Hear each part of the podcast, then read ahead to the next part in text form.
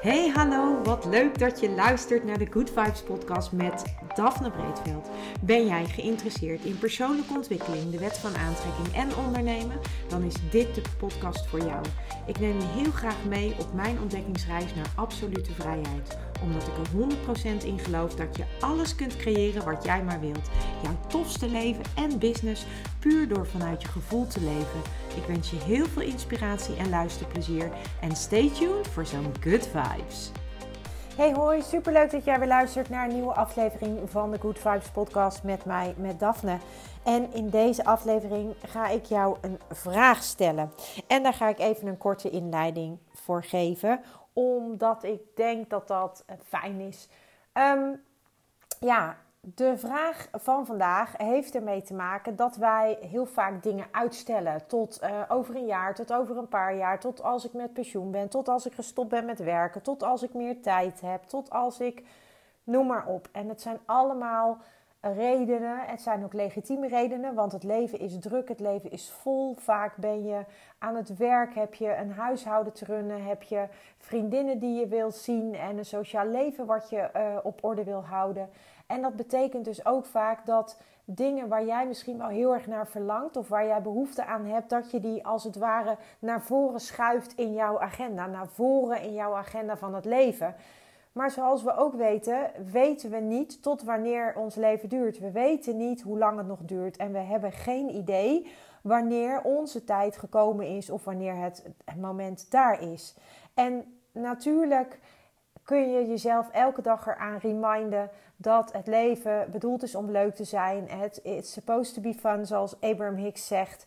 En dat je echt op je joy moet leven.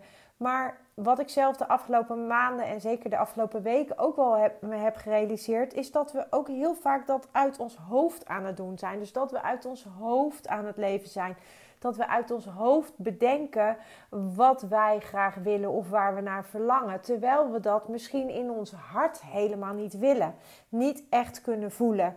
En zelf ben ik hier mee geconfronteerd door de fysieke klachten die ik heb, uh, heb ervaren of op dit moment nog steeds ervaar. Het zijn klachten die eigenlijk allemaal eenzelfde boodschap aan mij brengen. En mijn lichaam is mij dus echt iets aan het vertellen wat ik best confronterend vind maar wat me ook heel veel mooie inzichten geeft. Omdat het vooral hiermee te maken heeft dat ik heel veel dingen heb bedacht uh, en, en heb gedacht dat ik naar verlangde vanuit mijn hoofd. Maar de vraag is of ik dat dan ook echt vanuit gevoel gedaan heb. En bij een aantal dingen is dat zeker zo. En uh, dat weet ik omdat op het moment dat er bij mij iets uit gevoel ontstaat, dan gaat het echt in een soort download, komt het binnen en dan is het binnen no is het gecreëerd. Zo is dat in basis ook gegaan met mijn card deck. Dat card deck dat kwam een tijd terug al op mijn pad. Het kwam eigenlijk als een soort, ja, ik noem het even een download binnen. En um, binnen no time stond de basis. Vervolgens um, kwam mijn ego-stemmetje, die vond er wat van. En die kwam natuurlijk mij vertellen van... ja, maar daar heb je een coach voor nodig, daarmee hebben we dit... en de tijd is nu nog niet en bla, bla, bla, bla, bla.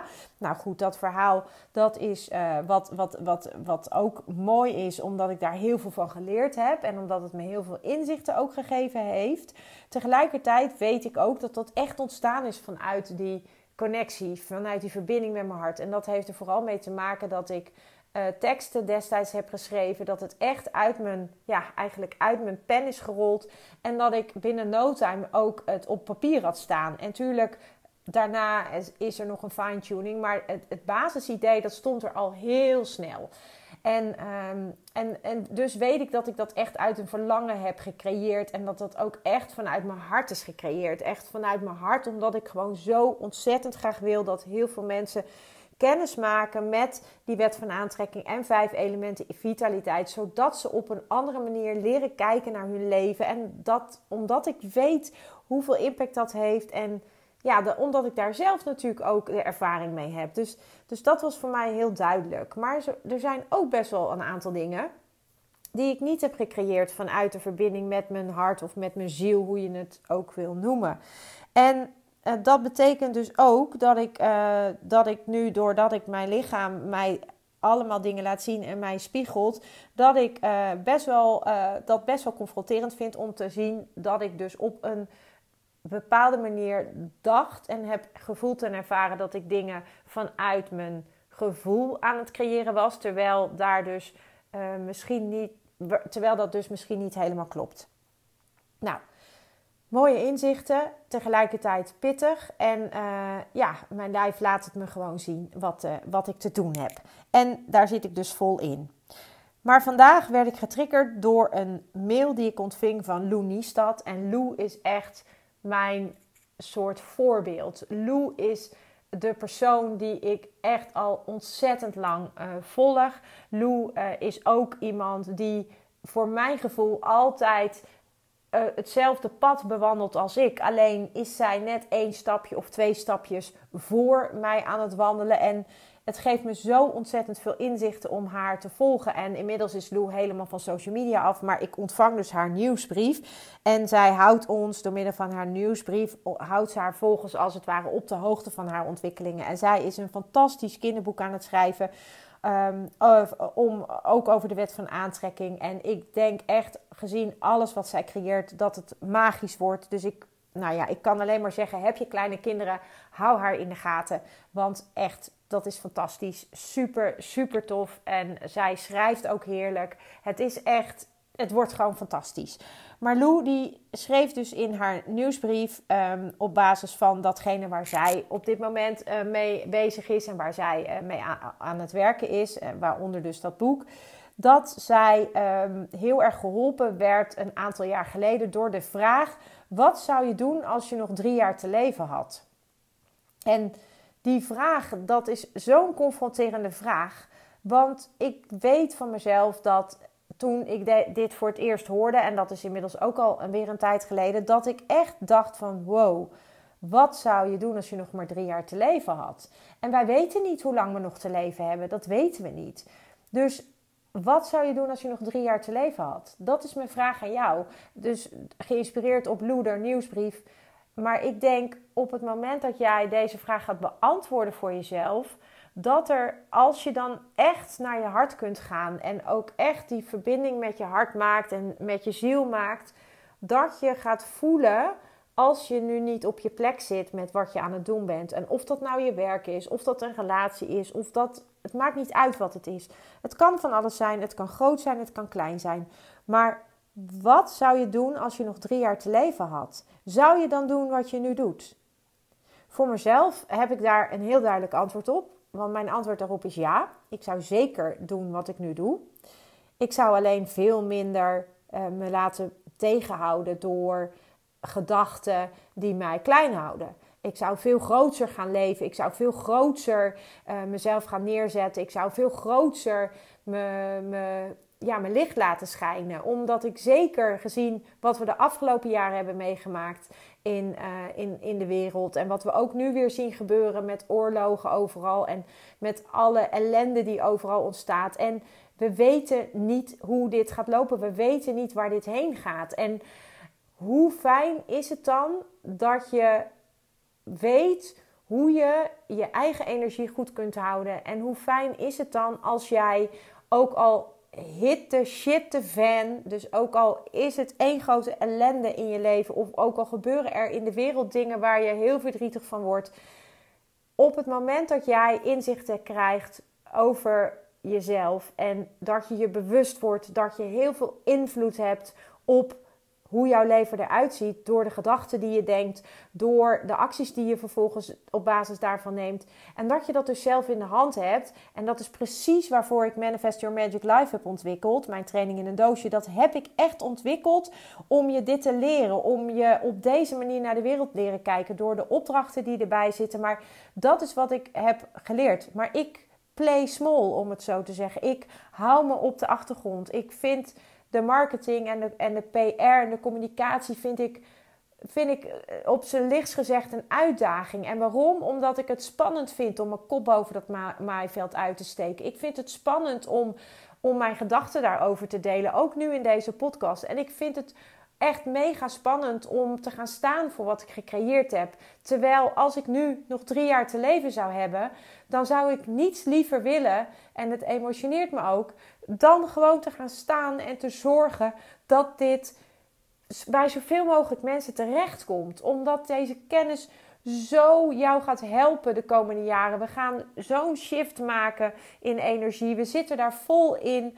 We hebben de coronajaren achter ons gelaten, maar we zijn er nog niet. We zijn nog niet waar we naartoe moeten. En dat betekent dat de energie van de aarde gaat alleen maar omhoog, omhoog, omhoog. En als jij niet meegaat in die energieverhoging, dan ga je je minder fijn voelen. Dus je, je, je wordt uitgenodigd en corona is daar eigenlijk al een soort voorbereiding op geweest. Je bent uitgenodigd om jezelf te ontwikkelen. Je bent uitgenodigd om naar binnen te gaan. Je bent uitgenodigd om vervolgens de power, de controle in je eigen handen te pakken. Om zelf achter dat stuur te gaan zitten. Om die regie te pakken. Daarvoor ben je uitgenodigd. Dat is wat corona in mijn beleving, en het is mijn mening en verder heb ik geen oordeel over geen enkele andere mening, maar dit is hoe ik het zie en wat mij enorm ondersteunt, dat corona ons uitgenodigd heeft om naar binnen te gaan.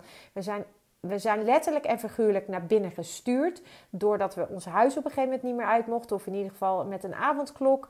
Ehm, we zijn naar binnen geduwd als het ware. Van hé, hey, hoe voelt dit voor mij? Wat, wat gebeurt er in mij?